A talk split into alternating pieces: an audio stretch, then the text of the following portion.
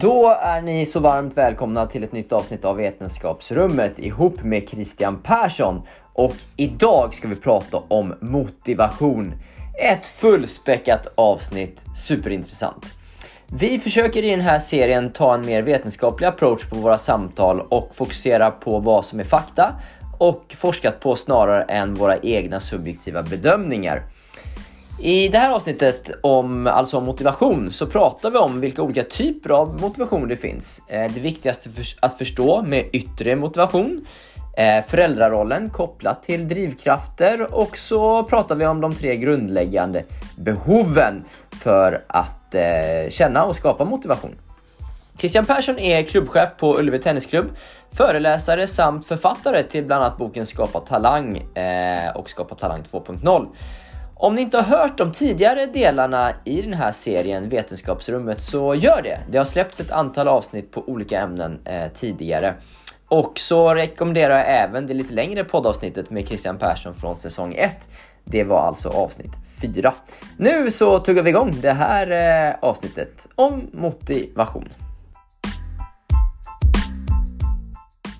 Välkomna till Vetenskapsrummet. Jag och eh, Christian Persson har haft en hel del kontakt de senaste åren, både om podden och hemsidan, men även om våra yrkesroller. De senaste månaderna har det successivt växt fram en vilja att gräva ner oss lite djupare i vissa områden och ämnen. Och när det även kommit in önskemål från er lyssnare om just det här så bestämde vi oss för att göra slag i saken och spela in ett gäng avsnitt på ett antal specifika ämnen med målet att rikta de här samtalen mot forskning och studier och prata om vad som verkligen är fakta i frågorna. Och därför sitter vi här idag. Är det korrekt Christian? Det är korrekt. Det ska bli väldigt kul detta. Eh, och eh, eh, vi ska väl också försöka att prata lite grann bakgrunden till de olika ämnena, kanske lite forskning. Mm. Vi, vi grottar ner oss lite grann i ämnena på en, på en lagom nivå.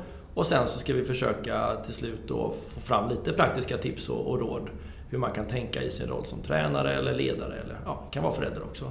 Men Precis. Eh, det ska bli väldigt kul att, att prata om de här ämnena. Precis, så det kommer bli en, en serie med, med, ett ämne per avsnitt helt enkelt.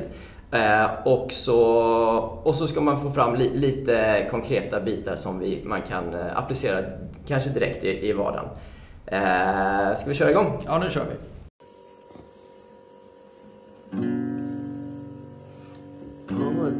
Tillbaks igen Linus på baslinjen Jag sög på det tillbaka igen Linus på baslinjen Då så sitter vi här för ett eh, nytt eh, avsnitt, eh, Christian Persson. Hur, eh, hur är läget idag? Det är bra tack. Det är bra. Hur mår du? Mycket fint. Idag så ska vi prata lite om motivation. Ja. Eh, och jag gissar lite vad olika drivkrafter eh, och vad som, eh, ja, men vad som får en tennisspelare att kämpa till exempel. Eller vad som får oss att gå upp varje dag och, och ta oss an våra uppgifter. Vad, vad, vad är motivation och vad finns det för olika typer av motivation? Ja, om, om vi tittar på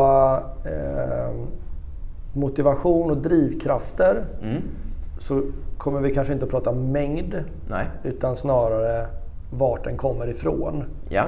Eh, och eh, den eh, forskningen som vi kommer titta på eh, kommer vara hämtad från det här med Self Determination Theory, mm. SDT även känt. Eh, vi kommer prata om yttre motivation mm. och inre motivation och lite grann hur man kan tänka kring det. Ja. Eh, ofta så pratar man väl om motivation som en och samma grej.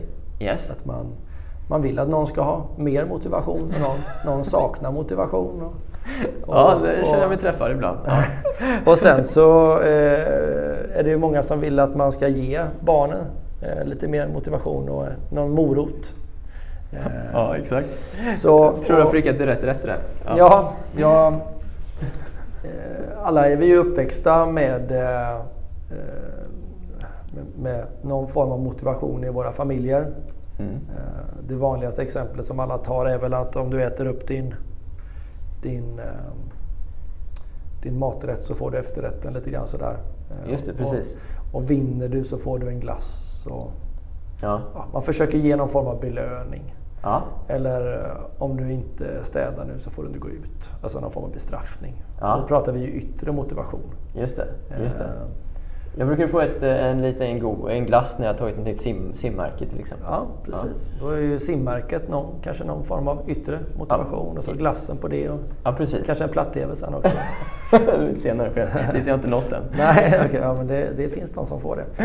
Eh, men, eh, så att, eh, vi ska väl förhålla oss lite grann mellan yttre och inre motivation och bara prata igenom eh, vad mm. det är. Och vill man ta del av den forskningen så är det ju DC Ryan som har gjort en, en stor del av den forskningen på eh, inre. Vad är liksom, hur, hur kan man trigga och skapa förutsättningar för den inre motivationen? Mm. Det är väl det som är mest intressant. Men vi kan väl börja med, med yttre motivation som jag tror att de flesta eh, känner till och, och, och, kan ganska bra. Mm.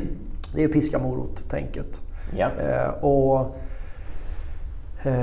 det, det har nog de flesta testat och vet hur det fungerar. Eh, att eh, man kan få någon att Alltså, då kommer ju drivkraften kanske inte från aktiviteten i sig. Alltså, min drivkraft är inte att städa på mitt rum. Nej. Det är inte det som driver mig, utan det är moroten som driver mig. Att ja, men då får jag mitt lördagsmys. Det. Så det är ett sätt att få någon att göra någonting. Det är att man, man ger en bonus om man gör ett bra jobb och så ja, lite, jag tror det räcker så för att mm. förstå vad det är. Ja, verkligen. Ja. Eh, det, det som man kan säga om yttre motivation det är ju att det kan ju absolut fungera. Och, och det är många som, eh, som säger också att Nej, men, jag drivs verkligen av, av yttre. Jag vill ha ett jobb där jag tjänar mycket pengar. Eller det är ja. viktigt för mig att vinna och, ja. hela den biten. Och, jag, jag, tror inte man ska tänka att det är dåligt med yttre motivation. Jag Nej. tror att man ska tänka bara att man vet vad det är och att man kan förhålla sig till det. Mm. Eh, och att man vet om att det finns andra drivkrafter som man kan bejaka eller skapa förutsättningar för än bara att trigga de yttre. Mm. För det är klart att det kan ju kännas som att man är en god tränare eller en god förälder om man ger en glass till någon som har vunnit. Mm. Absolut. Eh, men, men det går ju också att, om man ska säga belöna... Eh, ja, men, men det, det, det, man, eh, det, man ska, det man ska tänka på med yttre motivation, tycker jag, först och främst, det är att man, så fort man tar bort den mm. så tappar man ofta effekten. Okay. Eh, om, om man har haft den och sen tar bort den? Då, ja, men precis. Ja. Så vi, vi säger nu eh, här att eh, om eh, vi tar det här med städa rummet som ett exempel. Mm. Om du får eh, en glass för att städa ditt rum, mm. så gör du det. Och så får du en glass för att städa ditt rum, så gör du det. Och sen så vill jag att du städar ditt rum, men eh, du kommer inte få någon glass. Ja, just det. Då är ju frågan, kommer du städa rummet? Ja, ja precis. Uh, ja, och sen efter ett tag så kommer du väl tycka också att den där glassen, den behöver nog bli lite större om jag ska städa mitt rum. Eller hur? Ja, du vill ha löneförhöjning. Ja. ja. ja. Och, och, då är det viktigt att höja lönen då. Ja, då får du en eh, storstrut om du städar. Och sen så kommer storstruten kommer inte känna tillräckligt stor hela livet. Nej. Eller hur? Ja, jag förstår. Eh, utan då får du höja. Och bara du är medveten om att det är så det funkar så får du liksom trigga på det viset. Just det. Eh, sen, sen är det ju oftast när man jobbar med yttre så är det väldigt tydligt om man nu ger en glass när man vinner och ingen glass när man förlorar. Ja. Om man verkligen ger vad, sig tusen. Vad är det man belönar då? Ja, att man belönar ju då till exempel eh, eh, resultatet. Mm. Alltså klarar du ditt simmärke där, då får du en glass. Mm. Men om du inte gör det, då blir det ingen. Det blir ganska tydligt vinst och förlust. Ja. Och jag tror att alla kan tänka sig också att efter ett tag när du går på din simning så gör du det för att ta märket.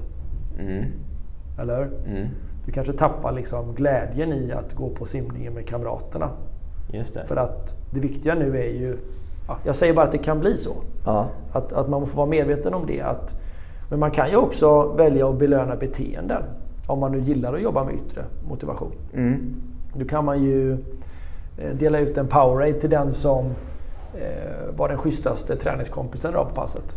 Eller till den som eh, kämpade bäst. Eller till den som eh, eh, gjorde ett riktigt bra försök att komma tillbaka till matchen. Eller, ja. Man kan ju belöna beteenden också. Det. det. är väl en, eh, en bättre eh, en bättre form ja. av det kan jag tycka som, i rollen som tränare mm. och förälder. Så, så, så, tycker jag kanske det är bättre att... Men det får ju alla... Det viktiga här är ju inte att det finns rätt och fel. Nej. Utan det viktiga är att man vet om att, hur det funkar. Just det. Um, Men är det från individ till individ? Vilken form av motivation som funkar bäst för mig eller för dig då? Eller? Nej, det är väl egentligen så här att alla, man kan ju få alla att göra någonting. Att man kan ju få alla att utföra någonting om man mm. bara ser till att det är tillräckligt mycket yttre motivation. Mm. Då kan man ju få vem som helst nästan att göra vad som helst. Ja, exakt. Om det bara är tillräckligt. Liksom, det räcker inte med en glass alla Nej, var ligger ribban? Liksom. Liksom, det gäller bara att hitta rätt ribba. Mm. Du, om du får 100 000 för att gå ut i krig, liksom, räcker det? Nej. Nej, jag ska ha en miljon. Men för någon ja. kanske 100 000 är, ja, räcker. Ja. Så att, det är ett dumt exempel, men eh, du förstår. Man kan ju få folk att göra nästan vad som helst. Eh, och, och, barn framförallt kan man ju eh, kan man ju verkligen se till att slita mm. genom att hålla på och jobba mycket, mycket och lägga fokus på vinst och förlust. Och, Just och. Men om vi vandrar lite mer längs, vi jobbar ju mycket med linjer i det här programmet. Har det blivit så? Så till vänster då har vi yttre motivation och vi har piska morot och så dras det successivt då mm. mot inre motivation. Och längst till höger då har vi SDT då. Eh, och det, då är det ju att motivationen kommer inifrån. Mm. Att den liksom kommer inifrån. Yeah. Jag vill göra det för jag tycker det är så kul. Ah. Och jag får inget för det. Nej. Och jag, jag, jag, förlorar ingenting och jag vinner ingenting. Det är ingen tävling någonting. Det är bara det att jag har passion. Men är det att man tycker det är kul att städa sitt rum då eller? Inte ens ja. att man vill ha rummet liksom rent? Men det, och därpå, det, det är svårt att i ett sånt här liksom, program återberätta hela den linjen. Ja. Men man kan tänka sig att man kan ju någonstans i mitten där så kanske det finns en självbild. Att man vill smälta in någonstans. Mm. Och då kan det ju vara så att det, det kan vara bra att städa rummet. För att jag vill, jag vill uppfattas mm. som en ordningsam person. Ja. Jag tycker inte att det är så kul att städa rummet egentligen. Men jag gör det för då uppfattas jag ju som en person som är ordning och reda. Mm, eh, någonstans i mitten kanske du har den typen av mm. drivkrafter. Mm. Eller du gör det för att du, du, kanske inte riktigt exakt vet varför du gör det. Men mamma och pappa har sagt att det är viktigt. Ja. Är du med? Ja, jag är med. Liksom, du, du kommer inte tjäna något eller förlora något men Nej. det är liksom viktigt i familjen. Ja. Det, är liksom, det är mammas och pappas röst lite grann. Ja. Så det finns olika typer av liksom, drivkrafter till varför, var, varför ställer vissa bort disken efter de har ätit. Mm. Och vissa låter den stå kvar till nästa morgon. Eller du vet. Just det. Ja, men i vår familj så har vi gjort så här. Ja. Ja, ja. Det kan variera. Men och, och, om vi kommer längst till högersidan då har vi ju tre nycklar som de har kommit fram till, DC Ryan, som, som skapar förutsättningarna för inre motivation. Mm. Det vill säga att mm. drivkraften kommer från en själv. Ja. Och lite mer passion. Och det är autonomi som är en nyckel, ungefär som i stress eh, kapitlet, eller mm. stressprogrammet. Mm. Det var också tre olika nycklar. Ja. Här är också tre. Autonomi, det är samhörighet och det är kompetens. Okej. Okay. Mm. Och då är ju frågan, vad, vad ska man med det här till? kan man ju undra. ja, exakt. Eh, men men eh, det man ska använda det till, det är ju att förstå att eh, genom sättet jag agerar och bygger en miljö och så vidare så mm. kan jag ju skapa förutsättningarna för inre motivation. Mm. Eller helt döda förutsättningarna för inre motivation genom att istället jobba med yttre motivation. Okay. Jag kan ta ett exempel ja, hur man kan förflytta sig. Mm. Jag, jag, det här har jag inget fog för det jag säger nu, men jag skulle kunna tänka mig att det är lättare att förflytta folk från passion till att det känns som ett måste. Ett jobb. Ja. Än tvärtom. Mm. Det är nog rimligt. Det, det är rimligt. Att du, du spelar gitarr ja. för att du tycker det är så fruktansvärt roligt. Mm. Och sen så visar det sig att du är så bra så du kan tjäna pengar på det. Och till slut så tvingas du spela på pubarna på kvällarna för att du, det är så du ska försörja dig. Mm. Och då tappar du kanske lite grann. Ja, det var inte... Du ja, förstår men, man, precis, man har liksom gått åt, åt det hållet. Mm. Jag tror det är lättare än att man eh, har eh, eh, tennis som ett yrke. Sluta med det. För, liksom att det bara blir en passion. Just det. Ja. Men, men jag, som sagt, jag, jag vet inte det. Men Nej, man men kan förflytta sig emellan. Men mm. man kan väl säga så här att vad, vad, vad, finns det att veta om, eller som, vad, vad, kan vara bra att tänka på med det här? Mm. Det är ju att man kan döda inre motivation mm. genom att lägga på väldigt mycket yttre motivation. Just det. Om jag eh, har en spelare mm. som älskar tennis mm. och bara brinner för det och älskar att hänga med kompisarna. Men så börjar jag liksom att professionalisera väldigt mycket saker tidigt. Du måste träna fysträning också? Ja, du måste träna fysträning också. Och du måste värma upp mycket och stretcha mm. efter mm. när du är 8 år, 9 år, 10 år. Då, då, kan det nog gå ganska fort. Mm. Från att det är det bästa du vet till att det är så mycket måsten så att du nästan kräks på det. Ja. Eh, och, och, speciellt om det inte kommer inifrån då. Att det, och det är oftast kanske inte att det gör det på en åttaåring, att man vill köra fysträning också, utan det är mamma eller pappa. Och då har du ju det här, varför ska jag känna till den där autonomi, samhället och kompetens? Jo, för att om du är inne och nallar på dem. Mm. Om, du liksom, om du som förälder tar alla beslut åt dina, ditt barn mm. när det kommer till tennisen. Mm. Då, då finns det ingen autonomi kvar. Just det. Utan då är du, checkar du upp det lite grann. Aha. Och, och, det är ju det som är viktigt att tänka på som tränare och spelare, eh, förälder. Att ja, framförallt eh, vuxna mm. jämfört med barn. Då, man säger. Men det gäller ju alla situationer. Det gäller som arbetsgivare, det gäller som allt. Mm. Men att, att... Det är som ett eget ansvar man pratar om, typ då? Eller? Ja, men det handlar ju om att du måste ju få vara med och planera din resa. Mm. Om du ska tycka det är kul. Ja, men precis. Annars blir du bara den som sitter i, i, i passagerarsätet. Ja, nej, men jag förstår. Eh, mm. Så, så det handlar om att vara lite uppmärksam på autonomi, samhörighet och kompetens. Ja. Och, och eh, om, man, om, man, om man tittar ibland så finns det ju vissa som lyckas behålla den där inre motivationen ja. över lång tid. Så det blir som en livslång eh, glöd, mm. Eh, drivkraft.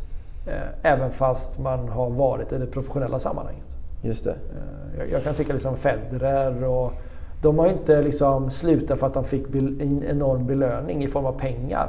Nej. Eller en enorm belöning i form av eh, medaljer. Nej, för de gillar det de gör. De gillar det de gör. Mm. Och där måste man nog vara väldigt, väldigt varsam. Mm. Så man inte förflyttar folk, barn, spelare från höger till vänster. Mm. Ehm, för då kan man lätt döda det. Och då är det, det många som tröttnar på sin idrott och så lägger man av. För ja. att man kanske inte får bestämma tillräckligt själv eller Just man känner sig inte bra eller ja. vad det nu kan vara. Men de här tre behoven du pratar om, autonomi, samhörighet, kompetens, måste alla tre finnas för att man ska ha den inre motivationen då eller? Eh, eller kan man ta bort någon men det funkar ändå? Ja, men de menar ju på att det är liksom den, den djupaste, då är det de här tre som finns på plats. Okay. Eh, och sen så kan du givetvis variera, men, men den renaste, finaste formen av det, ja. det är när man känner sig väldigt fri och man, man, liksom, man är med och påverkar sina egna beslut. Mm. Men det innebär ju inte att man måste bestämma allt. Nej. Bara för att jag vill vara med och påverka min tennisresa det behöver inte innebära att jag vet vad som är bästa fysträningen för mig. Nej, precis. Eh, men, men det är kanske ändå jag som är tio år som ska bestämma om jag ska gå på kalaset eller, mm. Eller tennisen. Just det. Då kan man ju kortsiktigt säga så här, men du ska gå på tennisen för mm. att det är en balansgång hela tiden. Mm. Det är en balansgång. Eh, men, men det går inte bara att köra över sin spelare. i alla beslut och prata som, om spelaren i tredje person när man sitter i samma rum. Nej, Utan det gäller ju att de är med på resan ja. och tar besluten. Ja. Eh, Just det. Och, och en av de här eh, nycklarna eh, tror jag eh, det finns nog ingen som är viktigare än någon annan, men, men just kompetens. Mm. Där är det många som går bet. Jag tänker framförallt på föräldrar som pratar om att sina barn ska vara i väldigt, väldigt bra träningsgrupper. Mm. Och en bra träningsgrupp är ju oftast att man är sämst i gruppen. Just det, för kompetens handlar om att man ska känna sig duktig. Ja, man ska känna utveckling, man ska känna sig kompetent i sammanhanget, i gruppen. Mm. Det, det, är liksom, det är en god känsla. Man, man liksom får en, en, en, en motivation av att känna att man är bra i en grupp. Just det. Det, det tror jag alla känner igen sig ja, Att ja. det är inte kul att komma dit och vara den som är klart sämst. Nej. Men det kan ju också vara en motivation att känna att jag ska träna så att jag blir lika bra som de andra. Eller att man känner att man jagar någonting. Absolut, absolut. Men eh, jag tänker att om vi, nu är vi i den podden vi är och vi har de problemen vi har i tennis-Sverige och vi har de styrkorna och så vidare. Och där, där är det ju intressant att, att många jagar en grupp där man är sämst. Mm. Uh, och enligt den här teorin mm. så är det ändå viktigt att tänka att om en spelare tränar vecka ut och vecka in. Mm. Och det behöver inte vara på sekundbasis. Men över, över en liten tid. Mm. Så då behöver man känna att man är att man går framåt. Mm. Och att man, att man utvecklas och att man, man är bra i det gänget som är. Mm. Det är viktigt. Uh, och det måste man tänka på när man gör ett träningsupplägg till exempel, eller tävlingsupplägg. Mm. Man kan inte bara spela massa tävlingar där man får storstryk varje match. Nej. Det är inte lika roligt. Det kanske kan vara nyttigt att få storstryk. Mm. För att man lär sig vissa saker av det. Men i det långa loppet så behöver kompetensen finnas där på något sätt. Kan, kan man, den kompetenskänslan ökas av att man får mycket beröm av tränare till exempel? Eller är det någonting man själv måste upp, fatta att jag vinner mot min träningskompis eller jag står med i den här gruppen? Ja, det, det där är en väldigt bra fråga. Jag, jag tänker att någonstans så ska det ju komma från dig själv att du på riktigt känner mm. att jag är bra. Och du kan ju säga till mig, Fan vad du är bra Christian. Men du själv är ju ofta medveten Men jag, men jag kanske inte känner mig så bra. Nej, och det är det som är själva grejen här med motivationen. Att det är ingenting du kan hälla upp i, ett glas till mig och säga drick det här så är du motiverad.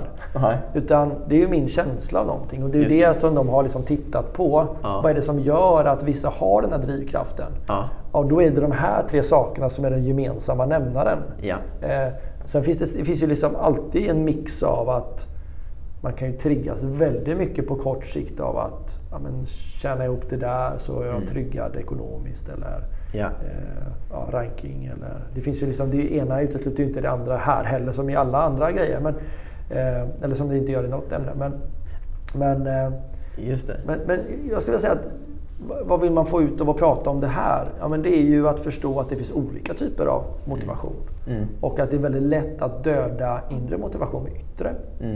Mm. Eh, att man behöver fundera om man ska ha ett system med yttre motivation så behöver man tänka igenom det. Mm. För det kommer också sluta få en effekt om jag inte höjer, höjer, höjer. Eh, jag bara, eh, kort instick där att tennisen, när man kommer upp i högre ålder eller på en högre nivå, mm. så är ju tennisen uppbyggd, vare sig man vill eller inte, med en del yttre motivationsfaktorer. Ja. Som rankingpoäng, prispengar. Mm. Två väldigt tydliga bitar som, mm. som tennis i mångt mycket handlar om på en mm. professionell nivå. Eh, då måste man ju någonstans bara finna sig i det, eller? Alltså, ja, och, och lära sig hantera det då? Ja, det är en del av spelet och förhålla sig till det. Mm. Just det. Precis. Eh, och, och vara noga med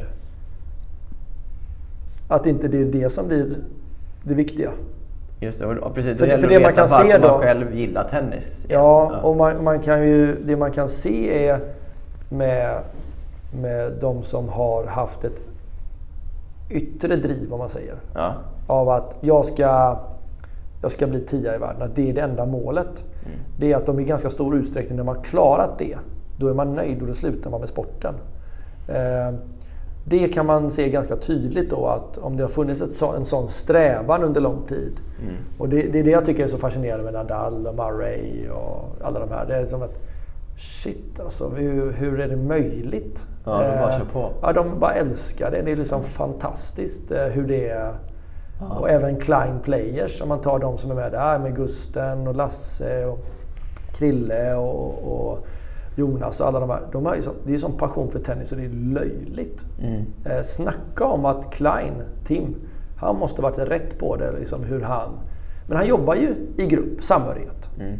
Och han jobbar ju med att de själva fick ta vara med och ta beslut. Ska jag åka dit och alltihopa. Mm. Så han, jag, jag lovar att tittar man tillbaka på det här så var han liksom väldigt rätt på det i, sin, mm. eh, sitt sätt att leda, i sitt ledarskap. Och, och skapade förutsättningarna för det här. Mm. Uh, Just det. Den där med samhörighet då, den eh, kan ju också i, i tennis vara lite lurig kanske i och med att det är en individuell idrott. Mm. Men då tänker man att det är en samhörighet i klubben till exempel, ja, eller ett team vara? som skapas. Ja. Eller, ja.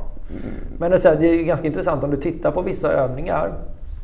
Eh, varför är vissa övningar väldigt populära? Ta French game. Ja. Det är lag. Många, många gillar ju lag. Ja, just det. Alltså även om man är en duktig tennisspelare individuellt vi, när vi kör French Game med våra 05 som är skitbra. Ja. De älskar ju lag. Vi kör massa lag Man gillar ju det. Ja. Samhörigheten och känna liksom att man tillhör någonting. Och, det finns ju på olika nivåer såklart. Men, men det är ju smart att åka tillsammans ett gäng. Ja. Det skapar ju någonting. Det är det man minns själv. Just det, ja, men exakt. Eh, och, och, det säger ju forskningen också. Så det är ju liksom kul att det stämmer överens när man tänker på de här minnena man har. Kalanka Cup ja. till exempel åka utan mamma och pappa, känner sig lite mer autonom. Mm. Eh, samhörighet, ja, eh, man är i ett lag och, mm. lite sådär. Och kompetens, ja men man får ju göra något för att komma dit. Man känner sig ganska duktig. Liksom. Ja, Titta, men tittar du på, på olika grejer, bara ta någon situation för dig själv. Och liksom tänk, vad, vad, vad, vad älskar jag mest egentligen? Mm. Och så tänk på de här tre nycklarna. Mm. Men, men du kan också tänka på situationer där du har känt så. Mm. Och så har det kommit en yttre motivation. Mm. Hur någonting kanske har försvunnit. Just det. Så att, um, ja, men det är helt, helt sant faktiskt. Det, det, är värt att, det är värt att tänka lite på detta. Framförallt för att den vanligaste dropout-åldern idag för barn och ungdomar är 10 och ett halvt. Okay. I idrott. Okay. Och, det är där man börjar ta bort de bitarna då, tänker du? Eller? Jag vet inte. Men, men det är intressant om, om de flesta barnen älskar ju idrott. Ja. Och så slutar man ändå när man är så då kan man ju undra vad är det som har hänt där? Ja, just det. Varför slutar man inte med tv-spelen? De fortsätter ju bara. Ja. Eller? Spelar bara mer och mer och mer. Ja, ja. Uh, så... Ja, jag är med på hur du tänker där. Ja. Um. Så här är ju tränaren och föräldern är ju otroligt viktiga. Mm. Att man kan det här. Det är nästan så att om man skulle ge ett tips till föräldrar. Bli bra på det här. Mm. Läs in dig, fundera, gör upp en liten plan för dig själv. Mm. För att här är det så lätt att, även om man menar väl, mm. att gå in och ta över sitt barns idrottande. Mm. Det har säkert du sett, jag har sett det massa gånger. Det är så många föräldrar som står där med väskan och som stressar för att det ska bli... Men glöden finns inte där hos barnen. Mm. Utan det, det, blir liksom för mycket, för stort. Det är VM på träningar och så vidare. Och då kan man ju vända på det och säga, ja, men är det inte det som krävs då för att det ska bli världsstjärnor? Men, ja. men och då skulle nog säkert många, ja men det behövs ju tidig satsning och alltihopa. Ja, men det behövs ju göras på ett sätt då så man bevarar passionen. Mm. För att om man är trött på det när man är 16-17 ja. så blir det ju ändå ingenting. Nej. Eller hur? Precis. Och det, det minns jag när vi var i Moskva, vår lilla grupp som åkte runt. Och där, där hade de väl lite så här självrannsakan, det ryska förbundet på den tiden. Där de sa att ja, men vi har ju varit så jäkla bra, alla juniorlandslag och alltihopa. Mm. Men vi får inte alls fram lika många sen som seniorer. Det är för att vi börjar så tidigt. Så de är ju trötta på det. De har gjort sin resa mm. eh, när de är 16. Okay. Eh, vad sa de då? Just det, just det. Eh, men, men de kanske har ändrat lite och, och, och sådär. Men, men jag tror att eh, man får skynda långsamt. är ju något som många säger. Ja. Sen måste man ju göra det på ett bra sätt. Men, men det är ganska lätt att det slår över. Mm. Och då blir det ändå inget. Nej. Alltså, jag tror både du och jag kan nämna ganska många som varit lovande. Ja, som, som, inte faller på sin tennis.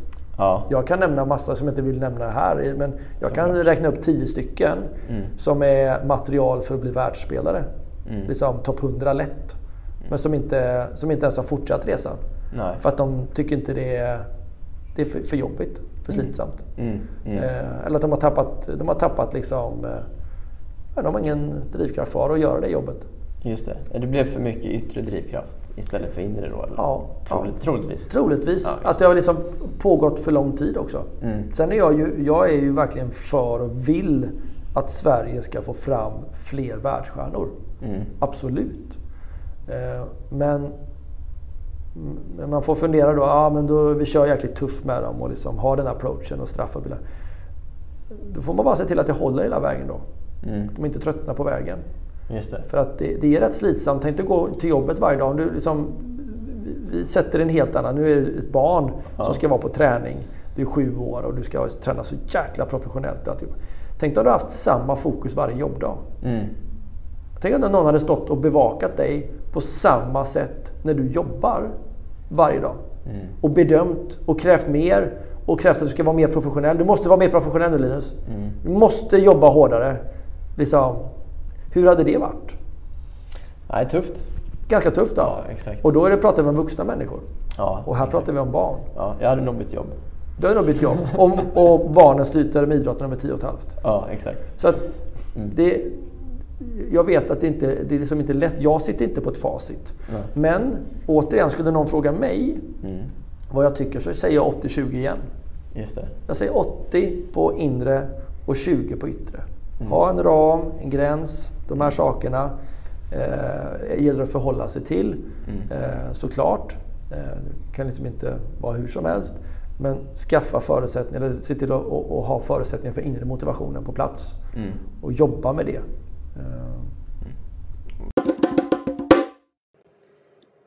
Summer is only a few months away, and there is a couple of Tennis Europe tours that it's time to sign up for. For example, two in Germany, under 16 in Weinblingen in July, and under 12 and 16 in Regensburg in August. Please remember that the earlier you sign up, the better, because then we can purchase cheap air tickets.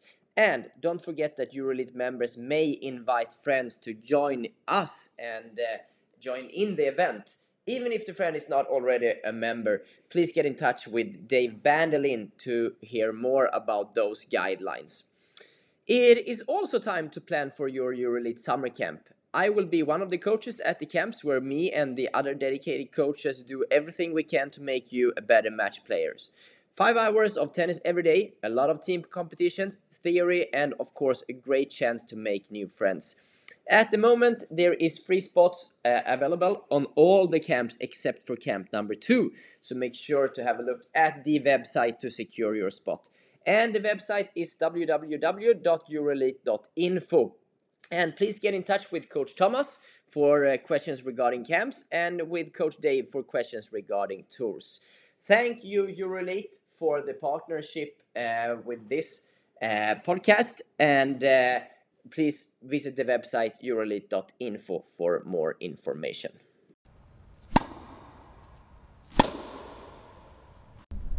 När vi har suttit och, pratat nu Christian eh, och du har berättat för mig om de här tre grundläggande behoven, eh, autonomi, samhörighet, kompetens, så, så, känner jag ju själv att det är ju troligtvis en stor del till varför jag tycker det är så kul med den här podden, är just för att jag prickar in alla de tre.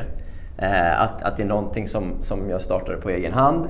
Jag känner att eh, det är en del av, av svensk tennis och jag har fått liksom eh, Många har uttryckt liksom att de tycker det är uppskattande, att de tycker det är kul att lyssna på och, och få vara med i till exempel också. Så att jag känner att vi, jag är en del av någonting. Eh, och jag känner att eh, jag nog är lite duktig på det också. Eh, så, så, jag tror att det är ju ett, ett, exempel för mig på att det nog funkar för att skapa min motivation till att fortsätta. Eh, att just de tre finns med där. Eh, vilket var lite intressant när, när jag väl kom att tänka på det när du berättade det här. Ja, ja. Eh. Och jag tror eh, det kan väl bli en uppgift för våra, eh, våra dina lyssnare att, att göra den reflektionen själv över någon situation. Ja. Och, och, att reflektera lite grann över sitt ledarskap. Just det. Eller föräldraskap. Mm. Och finns det någon key takeaway här så är det väl att mer inre motivation och lite mindre yttre. Mm. Skulle väl kunna vara ett bra sätt att avsluta. Motivation och drivkrafter. Eh, otroligt viktigt vad vi än tar oss till i livet. Och jag kände ju mig, precis som jag säger i slutet av det här samtalet, jag kände mig oerhört, eh, inte träffad kanske, men jag kände igen mig väldigt mycket vad det gällde just de här tre grundläggande behoven kopplat till, till det här projektet med den här podden. Eh, jag tyckte det passade perfekt in, in på vad jag har känt kring, kring det här. Och ja, just att eh, jag förstår ju, jag har ju förstått kanske innan också, men än mer efter att jag, jag satt och pratade med Christian om det här. Eh, hur viktigt det är att ha koll på de här bitarna för att kunna ge rätt form av feedback och för att kunna coacha sina spelare på ett så optimalt sätt som möjligt för att eh, både behålla men framförallt kanske öka deras drivkraft och deras motivation till att spela tennis och försöka att bli bättre. Så ja, ett väldigt viktigt ämne skulle jag vilja, vilja säga. Vi eh, har ett antal ämnen kvar och vi, jag och Christian planerar att spela in ännu fler ämnen eh, i den här så kallade ja, utbildningsserien. Så ja, jag hoppas ni fortsätter hänga med och jag hoppas också ni fortsätter hänga med i tävlingen som, jag, som görs tillsammans med House of Bontin där vi lottar ut träningsredskapet iCoach som inte går av för hackor. Det, det, eh, det träningsredskapet har faktiskt en eh, vetenskaplig bakgrund i hur det är utformat. Gå in på houseofbontin.se och läs mer om iCoach men framförallt också kanske följ mig på Instagram linus-se-eriksson så kan ni vara med i den här tävlingen om att vinna en iCoach. Det går ut på att man ska gissa efter att ha fått en liten ledtråd av mig, gissa det kommande ämnet som jag och Christian pratar om i den här serien Vetenskapsrummet. Så haka på där och ta chansen att vinna en iCoach. Och ni vet väl att ni har 15% rabatt på hela House of Bontins sortiment förutom redan nedsatta priser hos Slingerbag med koden LINUS. Så tack så mycket till House of Bontin för det samarbetet. Tack till Christian Persson som var med i det här avsnittet och tack till er som lyssnar. Vi hörs snart igen.